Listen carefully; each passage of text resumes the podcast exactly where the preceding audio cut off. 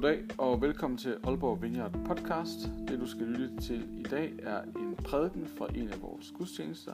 Håber at den vil inspirere dig, udfordre dig til at leve tættere på Gud.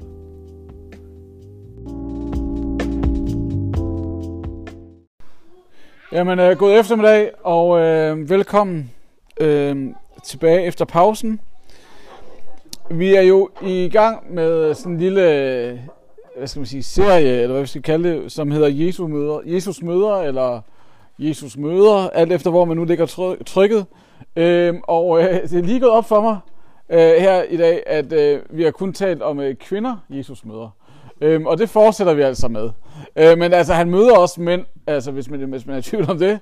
Øh, men, øh, men det er lige øh, kvinder, og det, ja, det er jo, det er ikke, det er ikke fordi, det har jeg ikke sådan tænkt igennem inden. Øh, men, øh, men jeg vil gerne starte et lidt andet sted øh, end lige med kvinder. Øh, det her det er Dietrich Bonhoeffer, øh, som er sådan en af mine store sådan præ- altså præstehelte.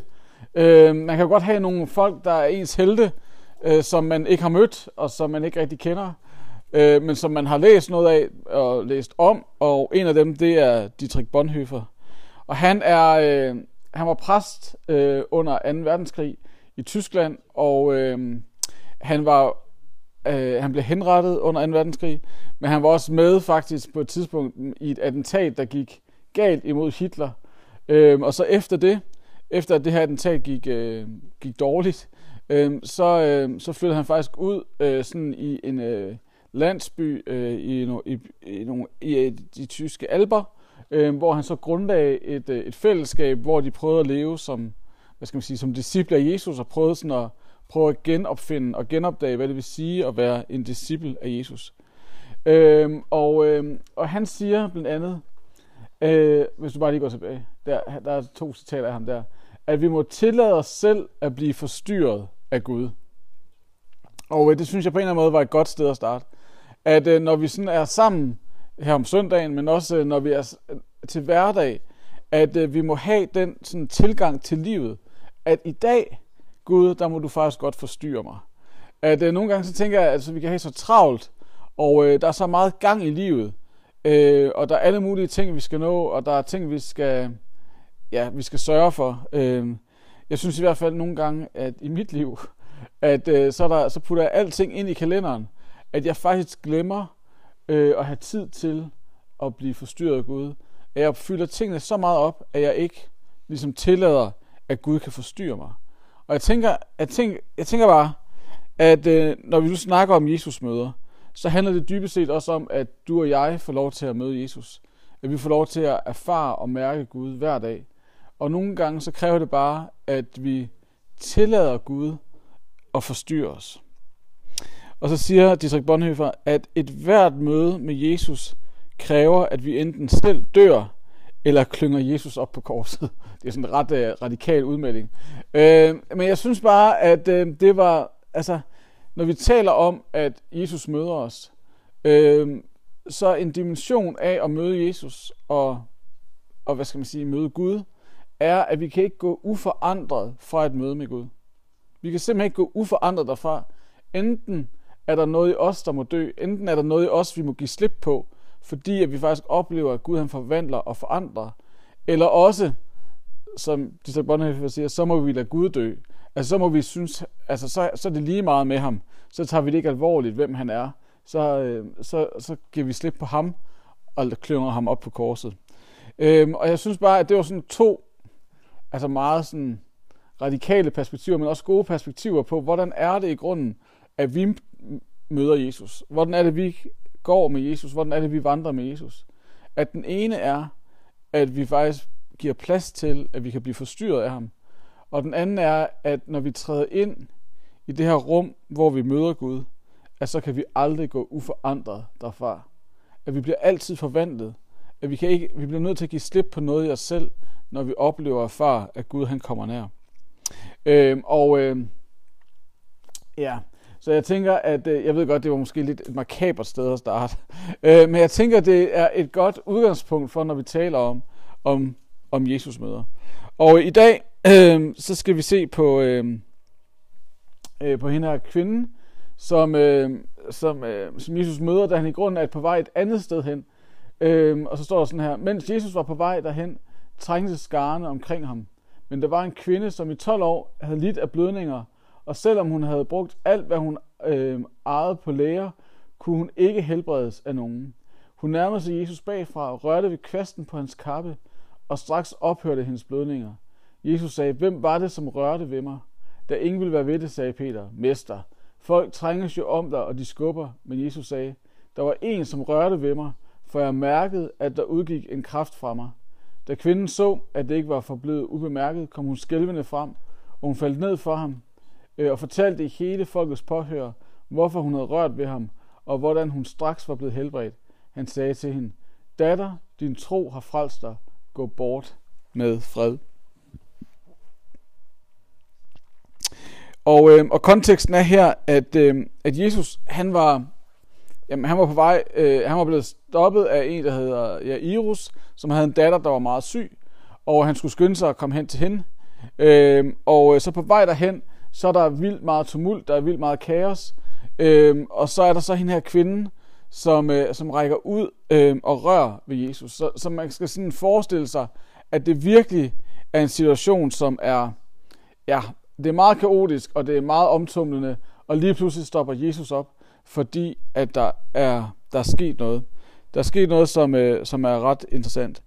Øhm, og øh, man kan sige, det der altid er med teksterne øh, i Bibelen, det er, at der altid er mere, der foregår. Der er altid noget bagved. Øh, hvis vi sådan læser det umiddelbart, så er det jo bare, at hun, hun rækker ud, rør ved ham, og hun bliver helbredt. Men der er noget, hvis man nu er jøde, det der, skulle jeg sige, det er der desværre ikke nogen af os, der er. Øh, men, men hvis man nu var jøde, øh, så, øh, så, var, så ville man vide, at der foregår mere end bare øh, lige det. Og det er det, vi lige skal prøve. Det er det første, jeg gerne sådan lige vil prøve at sige. Hvad er det ellers, der foregår? Øh, der står, at øh, hun rører ved flien af hans kappe. Altså hun rører ved kvasten. Jeg tror faktisk, i den her oversættelse står der sådan kvasten af hans kappe.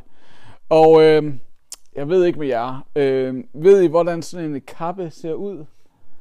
Øh, det er dejligt. Det er godt, at der er så mange uvidende, fordi så kan jeg jo virkelig spille ekspert. Øh, fordi at øh, det er sådan, at øh, øh, dengang, og faktisk også i dag, så mange øh, så jødiske mænd, de gik ikke bare rundt med en kappe, men de gik faktisk rundt med sådan et bedesjal. Øh, og jeg har faktisk et billede øh, øh, af sjalet der, sådan cirka så det ud. Og, øh, og, og øh, når, man, når man taler om flien af hans kappe, eller kvasterne på hans kappe, øh, så er det de der frynser, der ligger derude. Øh, det er sådan set de der frynser der, som, som hun har rørt ved. Og øh, så kan man godt spørge sig selv, hvorfor i alverden skulle hun lige røre ved dem? Øh, det var da, hvorfor skulle der være noget specielt ved dem? Men der er faktisk noget ret specielt ved det. Fordi at ordet for, okay, det her det bliver meget øh, måske lidt nørdet, men ordet for kanten, eller de her frynser, eller kvasterne, det er tzitzit. Øh, jeg ved ikke helt, om jeg udtaler det rigtigt, men I kan prøve selv. Det er meget svært at udtale. Øh, tzitzit, øhm, og det er det ord, det ord, altså zizit, øh, det betyder kant eller kvast, eller altså det er ligesom det, der er helt ude der. Og, øh, og faktisk, hvis man går til Malakias' bog, øh, det gamle testamente, og det var jo sådan, at øh, jøderne på det tidspunkt, øh, både øh, mænd og kvinder, at øh, i skolen, eller hvad skal man sige, i deres barndom, så lærte de, altså det ved man sådan fra forskellige kilder, at så lærte de dybest set det meste af det, vi kalder det gamle testamente, øh, sådan uden ad mere eller mindre. Altså, der var rigtig mange, det er ligesom, I kan uh, Justin Bieber sange, eller hvem I nu, eller Nej, ikke øh, Justin Bieber. Hvem I nu følger af musikere? Der er ikke nogen, der... der er ikke, jeg, Mimi, han kender Justin Bieber sange.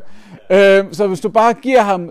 Øh, hvad skal man sige? Hvis du bare giver ham noget af et vers, så ved han, hvad for en sang det er, for han ved, hvornår det er udgivet. Ikke? Øh, sådan var det også lidt for rigtig mange, at, at man, man kendte, man kendte øh, Toren, man kendte det gamle testamente, man kendte profeterne. Og, øh, og derfor så var der faktisk noget meget, øh, der var noget meget, meget interessant ved det her med kvasterne. Øh, og tis, det der tisitter, øh, øh, tisit. Fordi der står sådan her i Malakias bog, øh, og øh, nu står der jo så 4.2, Øh, det er fordi, det er, hvad skal man sige, den engelske oversættelse. I den danske oversættelse, der findes faktisk ikke kapitel 4. Så hvis I går hjem og slår det op, så er det problematisk. Øh, men i den danske, så er det kapitel 3, vers 20. Øh, der står sådan her, men for dem af jer, som ærer mig, øh, vil, retfærd, vil retfærdighedens sol lyse over, og der vil være helbredelse i den svinger. Og øh, det der med vingerne, det er faktisk det, som vi ligesom lige skal gribe fat i. Fordi ordet for vinge er også zizit. hey, og øh, nu bliver det rigtig interessant, ikke? Fordi hvis du lige går tilbage der til det der... Øh, fordi retfærdighedens sol var et, øh, et billede, som jøderne, israelitterne brugte omkring Messias, omkring frelseren. Så det vil sige, det der i grunden står, at når Messias kommer, så vil der være helbredelse ved, altså til sit, øh, så vil der være helbredelse. Ved, altså man kan faktisk godt få den tanke, at når Messias kommer, at når frelseren kommer, så, så vil der være helbredelse i bedekvasterne. Altså, så er der mange sådan, øh, teologer, der mener, at det her med, at den her kvinde, hun rækker ud efter kvasten, det er sådan set ikke bare fordi, at det var det eneste, hun kunne nå. Men det er højst sandsynligt, fordi at hun ligesom alle andre jødiske børn har lært øh, profeterne udenad og ved, at faktisk, øh, når Messias kommer, så vil der være helbredelse, hvis man rører ved kvasterne. Så når hun rækker ud for at røre efter Jesus, så er det overhovedet ikke tilfældigt. Så er det faktisk fordi, at, at hun har fuld tillid til, at, at øh, Malakias' ord er rigtigt. Og det ved jeg ikke, jeg synes, synes jeg selv, da jeg ligesom øh, dykkede ned i det her, det synes jeg var mindblowing. At, øh, at, den, at, at det handler faktisk for hende her kvinde ikke om, at altså, hun, det handler ikke om, at hun lige tilfældigvis fik fat i kappen. Det har jeg nemlig ofte troet, at det var lige det eneste, hun, hun kunne få fat i. Men, men det var meget, meget bevidst, at hun faktisk rakte ud efter kvasten øh, på kappen. Øh, hun rækker ud i fuld tillid til, at når jeg, når jeg rører ved den her kvast, at når jeg lige rører ved kanten, så vil der være helbredelse. At, øh, at hun var klar over, at ved kanten af den kappe, ved den kvast, ved de der frynser der, så var der helbredelse. Og derfor så rakte hun ud for at røre lige præcis ved det sted på kappen. Og, øh, og det har bare fået mig til at tænke, at øh, altså at stille mig selv spørgsmål den her uge. Altså, møder vi Jesus med tillid? Altså, møder vi Jesus med tillid? Og prøv lige at se, jeg skal lige se, jeg håber, den er med. Ej, prøv lige at gå videre. Jo, jo, der var den. Se der. Jeg har lavet sådan en stige her. Sådan en tillidsstige. Fordi jeg tænker, hvor er du og jeg i grunden i forhold til, hvor meget tillid vi har øh, til Jesus? Altså, hvor meget tillid har vi i grunden til, at han siger, at han er den, han er? Hvor meget tillid har vi til Guds godhed? Hvor meget tillid har vi til, at Gud han ønsker at helbrede os? Hvor meget tillid har vi faktisk til, at Gud han er den, som han siger, han er? Og øh, det kan være, at vi starter nederst på stigen eller trappen, hvor at øh, vi dybest set har, vi har ikke særlig meget tillid. Vi, vi har faktisk mistillid til Gud. Vi har faktisk svært ved at tro på, at Gud han er den, som han siger, han er. At øh, måske har du selv været der, måske er du der i dag, at du grund dybest set ikke har tillid til, til Gud. Du har, ikke, du har ikke tillid til, at der er helbredelse ved kvasten af Jesu kappe. Det kan også være, at du er et sted, hvor du bare, øh, ikke bare, men hvor du er skeptisk. At du rent faktisk er en lille smule skeptisk. Det kan godt være, at du tænker, okay, Gud han er der, Gud han er til stede, men i grund er jeg en lille smule skeptisk over for, om Gud nu er så god, som han siger. Og om han nu virkelig tager sig af mig. Altså, jeg, jeg tror på Gud. Jeg tror, han er der på en eller anden måde. Men jeg er faktisk en lille smule skeptisk i forhold til, om han nu er den, han siger, han er. Så kan det også være, at du er et sted på tillidstiden, hvor, hvor, du sådan øh, er, hvor du sådan er accepterende. Altså, du accepterer, at Gud er god. At øh, det er sikkert rigtigt nok, at han er god. Øh, og det er også sikkert rigtigt nok, det er der, de ting, der står i Bibelen. Men at det lige skulle være sandt, altså, at det også skulle være sandt for mig og for mit liv, at jeg skulle have tillid til, at det faktisk også handler om mig, det er mere tvivlsomt. Øh, så man accepterer sandhederne, men at det også skulle gælde for en selv, øh, det, det kan faktisk være vanskeligt.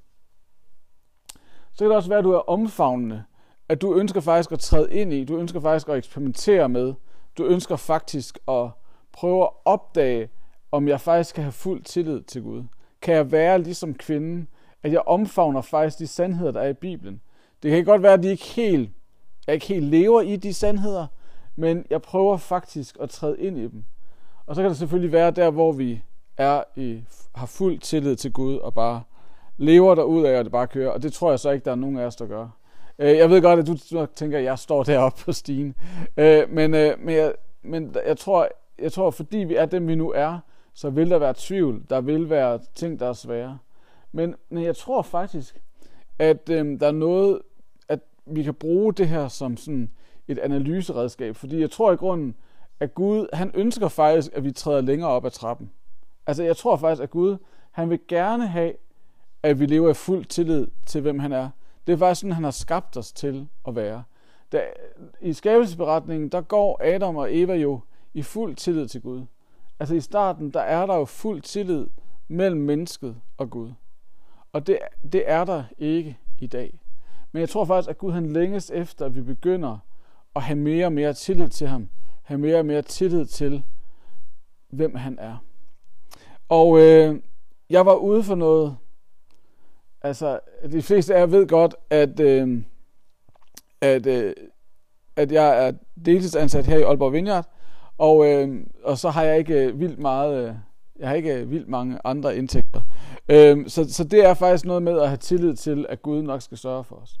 Og det er ikke sådan, at vi er ved at gå for... Altså, det er ikke på den måde problematisk øh, lige nu. Øh, men hvad hedder det? Så i, i, i torsdags, så øh, faktisk her i det her lokale, øh, så øh, var der sådan en præstesamling i, blandt præsterne i Aalborg øh, fra forskellige kirker, og øh, vi skulle sådan, ham der ligesom stod for det, han sagde, nu skal I virkelig være, I skal ikke kun dele ting om, øh, hvad der foregår i jeres kirke, I skal også være lidt personlige. Øh, og så tænker jeg, jeg kan da godt dele, at øh, det sådan er lidt, øh, ja, at, at, at det der med ikke lige at vide, at jeg får forskel, altså det der med, at man ikke helt ved, om der er, ved, om der er styr på økonomien hele tiden, at det er en lille smule udfordrende. Og det har fyldt vildt meget i mit, i mit hoved. Øh, og, så, øh, og, så, og så er der så en af præsterne, der, der sådan, han er meget sådan en, hvad skal man sige, han er meget karismatisk præst. Og så rejser han sig op bagefter, og så siger han, skal vi ikke bare sådan øh, profetisk proklamere, at at der er nok til Thomas og hans familie, øh, ved at øh, vi, laver en, øh, vi laver en indsamling til ham i dag. Skal vi ikke det? Det er jo svært for de andre præster at sige, ej, det synes jeg er en dårlig idé. Men jeg kunne mærke, at jeg blev sådan en lille smule forlegen. Fordi det var, sådan, det var ikke sådan, at jeg ikke står... Altså, vi har jo nok til brødet. Altså, vi har nok smør til brødet. Øh, måske ikke så meget salt til ægget, men altså, vi har da... Altså, det er ikke sådan, at vi er ved at gå fra hus og hjem. Og jeg blev sådan helt flov over, at han sådan, du ved, rejste sig op og sagde, skal vi ikke? øhm, og, øhm, og så, så lavede de så sådan en lille indsamling, og det er jo ikke fordi, at der så røg en million ned i lommen på mig, men, men, men da jeg cyklede hjem, så var det som om, at Gud han sagde til mig, jamen, altså sagde jeg ikke nok, at jeg nok skulle sørge for dig. Det kan godt være, at det var lidt akavet dag, men, men, men den der fornemmelse af, at Thomas, hvor er du henne på tillidsstien? I forhold til min godhed. Fordi at jeg siger jo, at jeg er god. Øh, det siger han jo, og jeg nok skal sørge for jer. Han siger jo også, Jesus siger jo i bjergprædiken det her med, at du skal ikke bekymre dig ikke om morgendagen i morgen. Altså den har nok af sine bekymringer. Og han siger, se på fuglene, dem tager jeg mig jo af. Øh, og, øh, og det var vildt på en måde. Øh, ja, så, så jeg har tænkt meget over det der med, at jeg tror, at i forhold til Guds godhed, i forhold til lige det her med økonomien, så er jeg nok øh, accepterende, og at jeg, jeg accepterer, at Gud han er god, og han nok skal sørge for os, at det er sikkert en sandhed for alle mulige andre. Men om det lige er en sandhed for mig, det tror jeg, at Gud han er ved at lære mig, at jeg skal prøve at lære at omfavne, at Gud han skal nok sørge for os. men det er virkelig en rejse og en proces at være i. Øh, og det er ikke altid helt let for mig heller at være i det. Øh, og det er heller ikke sådan, jeg siger, at altså, altså jeg, jeg fortæller bare den her historie, fordi jeg tror, at vi alle sammen har områder, hvor vi ikke er som kvinden, der bare i fuld tillid tænker, nu rører jeg ved den kvast, og så er der helbredelse. Men at vi faktisk alle sammen måske har områder, hvor vi måske endda har mistillid, eller vi, bare, vi er skeptiske over for, om Gud nu virkelig er den, han siger, han er. Men at, at kvinden kan lære os, det møde, som kvinden har med Jesus, kan lære os, hvordan ser det ud at handle i fuld tillid til, at Gud han er den, han er. Og tro på det. Og det kan jo gælde alle mulige ting, at Gud han er kærlighed, at Gud han elsker os, at Gud han accepterer os. Det, kan, det kan være på alle mulige områder, hvor vi ikke helt tror på det. Men hvor at kvinden her lærer os noget om, at hvis Gud han siger, når, når, når Gud han siger, at der er helbredelse i kvasterne, jamen så rækker jeg også ud og rører efter kvasterne. At hvis Gud han siger, at han er god, jamen så rækker jeg også ud efter hans godhed. Fordi det der jo er det helt vildt, helt vildt udfordrende til os, det er, at da kvinden rækker ud i tro, i fuld tillid til Gud, så er der jo faktisk en kraft, der kommer tilbage. Og selvfølgelig er Gud større end vores skepsis. Selvfølgelig er Gud større end vores mistro og mistillid. Men, men, men kan vide, om der er noget her, vi skal gå på opdagelse i. At når vi kommer med fuld tillid til Gud, at så er der en kraft, der vender tilbage. Er der en sammenhæng der? Det er ikke sådan, jeg, jeg helt ved det og er helt afklaret med det, men jeg tænker, der er en udfordring til os. Der sker i hvert fald noget, når hun kommer i fuld tillid til Gud, at så vender han faktisk tilbage med sin kraft. Og måske er der noget der, vi skal lære at gå på opdagelse i, og være, være ærlige omkring, hvordan vi selv lever. Mm. Og det, der selvfølgelig er det store spørgsmål, det er, hvordan ville vores liv se ud, hvis vi levede i fuld tillid til Kristus? Altså, hvordan ville vores liv faktisk se ud? Fordi at jeg ved, at der er mange bekymringer, jeg vil gå glip af, hvis jeg levede i fuld tillid til Gud. Der er meget frygt, der måske vil forsvinde, hvis vi levede i fuld tillid til Gud. Måske er der faktisk noget mod, der vil opstå i vores liv, øh, hvis vi faktisk levede i fuld tillid til Kristus. Hvordan vil dit liv se ud, hvis du levede i fuld tillid til, hvem han er? Og så er der også, så det er den, den ene dimension af historien, jeg lige vil tage frem i dag. Og så er der altså også en anden dimension af den her historie, jeg tænker, som er sådan lidt mere i forhold til den tid, som vi står i i dag. Øh, fordi at man kan sige, alt omkring Jesus, det er kaos. Der er tumult, og folk de skubber, og man kan bare forestille sig sådan en crowd der. Det er måske svært i de her coronatider, men, øh, men I kan bare forestille jer den her, det her, den her crowd af mennesker, der, der, der sådan er omkring Jesus. Og folk støder ind i hinanden, og alle råber og skubber, og alle prøver dybest set at finde en vej, fordi at her kommer frelseren. Men der er bare en masse kaos, og der sikkert er mange, der, øh, ja, alt, der sker alt muligt. Og øh, ja, det fik mig bare lige sådan til at reflektere lidt over, øh, også bare vores tid øh, i dag, altså vores tid sådan i vores kultur, at alt er kaos i dag. Øh, der er covid-19, og øh, Mette hun øh, kommer med alle mulige udmeldinger øh, i tid og utid om, hvordan at vi skal agere. Øh, jeg, jeg, jeg snakkede med en, eller vi har, jeg har udgivet en podcast her i den her uge, hvor jeg havde interviewet en, øh, en sociologiprofessor, som snakkede om det her med, hvordan at vi lever i en kultur og en verden i Danmark, hvor der bare er mere og mere mistrivsel. Øhm, der er mange vigtige ting på dagsordenen, som lighed mellem kønnene, lighed mellem racerne. Der er alle mulige ting. Øh, der er konspirationsteorier. Øh, jeg ved ikke, har I set de der, altså, jamen der er så mange konspirationsteorier, der florerer, og folk de mødes på rådhuspladsen med sølvpapirshatte på, og jeg ved ikke, altså, det er selvfølgelig også over i København, men altså, øh, men der er også en kamp om, der er en kamp om, hvad der er sandt, og hvad der er rigtigt. Øh, og man kan virkelig ende med spørgsmålet, hvilken vej skal jeg gå? Altså, der er virkelig, virkelig meget på tapetet i øjeblikket. Der er virkelig, virkelig mange ting, der mange, der, der råber efter vores opmærksomhed. Der er meget tumult. Der er meget kaos. Der er bare en masse skubben og puffen øh, rundt omkring os. Og man kan godt nogle gange, når man ser nyhedsstrømmen, så kan man godt tænke, altså hvad skal jeg gribe fat i? Altså, hvad, hvor, hvor skal jeg gå hen øh, med alt det her? Og, øh, og jeg ved godt, at det er måske lige at strække beretning en dag en lille smule. Men da jeg sad derhjemme og forberedte mig, tænkte jeg, der er faktisk også noget, vi kan lære af kvinden øh, i forhold til bare den verden, vi befinder os i. Fordi midt i folkeskarens skubben, midt i kaos, midt i alt muligt, der skete, midt i hendes smerte, midt i hendes sygdom, midt i alt det, der bare... Altså, og hun havde været syg i 12 år, og hun havde været syg med indre blødninger, hvilket, hun, hvilket betød, at hun dybest set blev set som uren og udstødt og marginaliseret, og der er ekskluderet fra det hele. At midt i den situation, så vælger hun at række ud efter Kristus. Og hun oplever, at der er en kraft, der vender tilbage. Hun oplever helbredelse. Hun oplever genoprettelse. Og Jesus siger til hende, fred være med dig. Og det ord, han selvfølgelig bruger, er jo shalom, som betyder, at alt godt må fylde dit liv.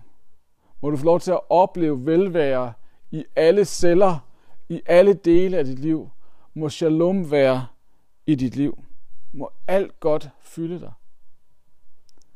Og, øh, og jeg tror, at, øh, at vi også i den her tid, hvor vi kan være bange for, om andre mennesker nu har, er syge, hvor vi kan være bange for, hvad er sandt og falsk, hvor vi kan måske føle os isoleret. Det kan også være, at vi er i nogle situationer i vores liv, hvor at vi er ekskluderet, hvor at der er kaos, og vi kan næsten ikke finde vej. At lige præcis det er den situation, der vælger kvinden at række ud efter Jesus. Og sige, jeg skal bare røre ved kanten af hans kappe, og så vil der være helbredelse. Så vil der være genoprettelse. Og måske er det også bare det, vi skal. Måske næste gang, du ser nyhederne og tænker, shit, nej, det må man ikke sige, undskyld. Undskyld, øh, uh, Loik, det var, ja, men det er fordi, at uh, på dansk, så er det lidt ikke så slemt. Men man kan sige, nej, hvor ærgerligt.